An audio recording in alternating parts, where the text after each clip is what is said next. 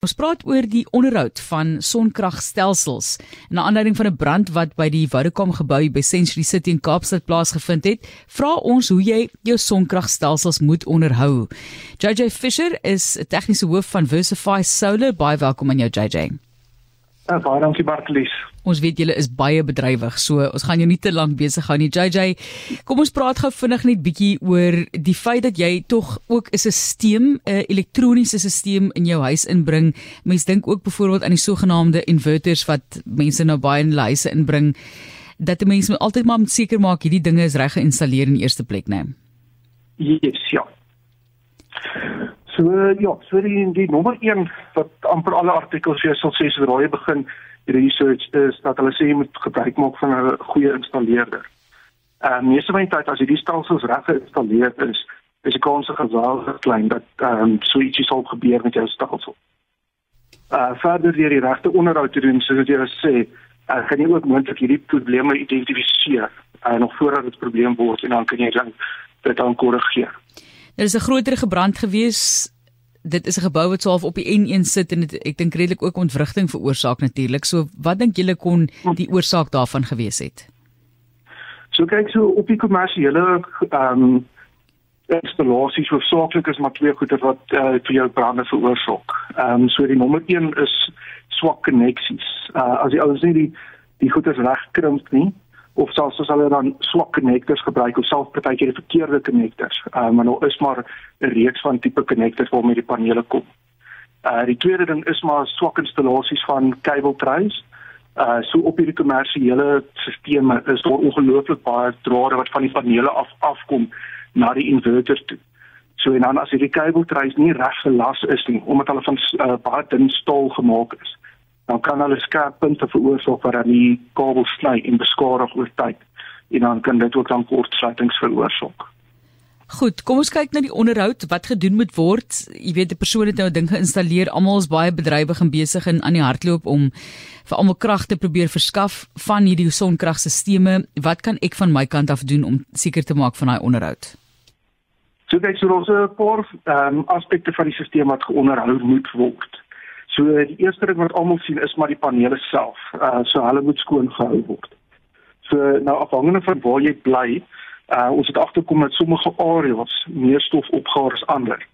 Ehm um, as ook teen wat se hulle in jou panele geïnstalleer is, sal bepaal hoe gereeld jy jou panele moet was. Ehm um, baie keer op panele wat baie plat geïnstalleer is, uh seker so onder 12 grade, kry die panele baie keer 'n residue of 'n oorblyfsel aan die onderkant. Uh hierdie kan skade aan uh aan die paneel verrig oor lang termyn. Uh omdat daar dan verskillende vlakke van sonlig op die paneel val. Goed. So um, ek en die die die skoonmaakproses, dit is natuurlik ook 'n moeilike een om te doen en mens moet nog veilig wees wanneer jy dit sekerlik doen of hoe? Yes, ja, so ja, eerste ding veiligheid, eerste maak seker dat dit uh die dak veilig is wanneer hy nat is dat hy nie gaan gly en afval nie. Ehm uh, maar verder ja, ehm um, raai hulle aan dat jy ten minste een keer 'n jaar jou panele skoon maak. Nou as die panele baie platter is of as jy baie stof in die area het, so het, sal dit nou 'n bietjie meer gereeld gebeur. Ehm um, so baie maatskappye wat spesialiseer in die paneel skoonmaak, uh, weet ek ook bring hulle eie water um, omdat jy nie te harde water wil gebruik nie, want dit kan ook uh, oorblyfsel los op die panele. Ehm uh, maar solank die water se mineral inhoud onder 75 mg per liter is, um, is dit goed genoeg om te gebruik. Ehm um, verder kan mens ook maar seker maak dat dit skoon is onder die panele. Uh want jy kan maar blare en voelneste en goeters kry uh wat dan kan um, die lugvloei onder die paneel kan belemmer en dan veroorsaak dat die paneel uh oorverhit op sekere gedeeltes. Goed, JJ, nou sy panele skoon, wat moet ek nog doen? okay, so baie baie belangrik. Ehm um, is om te kyk ook dat jou panele nie enige fisiese skade op hulle het nie. Ehm um, as 'n paneel 'n uh, hou of 'n stand gekry, uh jy weet dit kan nou weer tydens vervoer of die installasieproses ehm um, of ons het al twee ehm um, installasies ook gehad waar dan na die tyd 'n uh, chip op die panele gevang val het. Uh, wat mense verstaan hoe dit op die dak kom nie. Ehm um, dit kan dan micro cracks binne in die paneel ehm um, veroorsaak so binne in die selle self wat dan kan lei tot hotspots uh, wat dan kan veroorsaak oor tyd. dat daar 'n brand ontstaan. Ehm um, hierdie hotspots kan mens gewoonlik sien aan um, die paneel begin bietjies te verkleur uh, waar dit gebeur. So 'n blou paneel sal so swarterig begin word.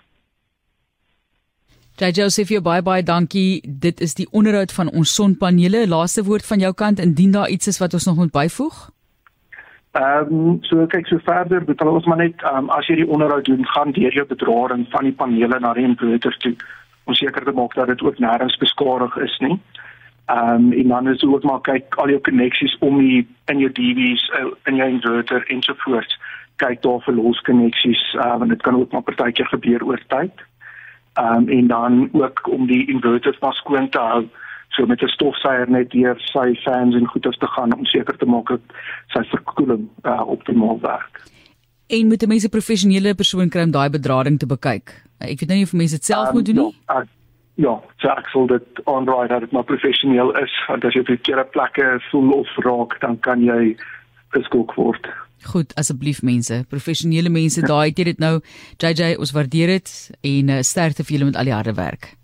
Baie dankie Bartlies. Dis JJ Fisher. dankie JJ. Dis JJ Fisher, tegniese hoof van Versify Solar.